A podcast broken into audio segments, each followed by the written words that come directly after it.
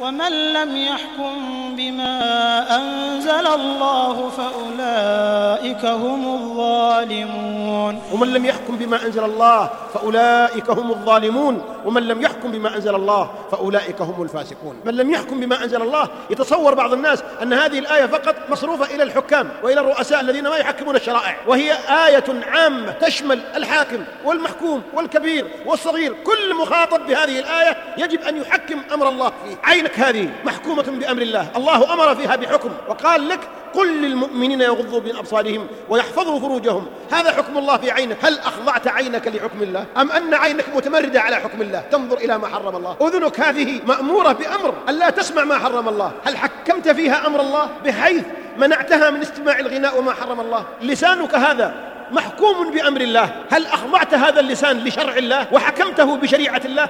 أم أنه محكوم بالهوى والشهوة والعادة والطبيعة لا. فرجك يدك رجلك بيتك زوجتك عملك مؤسستك حياتك كلها ما من جزئية من جزئياتك إلا وفيها أمر لله. هل حكمته بأمر الله؟ من لم يحكم بما أنزل الله فأولئك هم الكافرون. قال العلماء كيف كافرون؟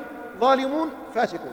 كيف؟ قالوا الناس أمام أمر الله ثلاثة أصناف. صنف يواجه أمر الله فلا يؤمن به أصلا ويرفضه ويتصور أن أمره أحسن من أمر الله فهذا كافر. صنف ثاني يواجه أمر الله وهو ظالم. وأمر الله يأمر بالعدل فيرى أن أمر الله يرد ظلمه فيرفضه ليستمر في ظلمه فهو ظالم فأولئك هم الظالمون. صنف ثالث يواجه أمر الله يعرف أن أمر الله حق لكن أمر الله يحول بينه وبين ممارسة فسقه ومعاصيه وهو إنسان شهواني يحب الشهوات. وإذا عرف أن أمر الله بينفذ عليه فلا يريده من أجل الشهوة فهذا فاسق. قال الله فأولئك هم الفاسقون واللي تتوفر فيه الثلاثة كلها يرفض أمر الله لأنه لا يريده أصلا ولا يرى أنه أفضل شيء. ثم هو ظالم ثم هو فاسق فيجتمع فيه الصفات كلها والعياذ بالله.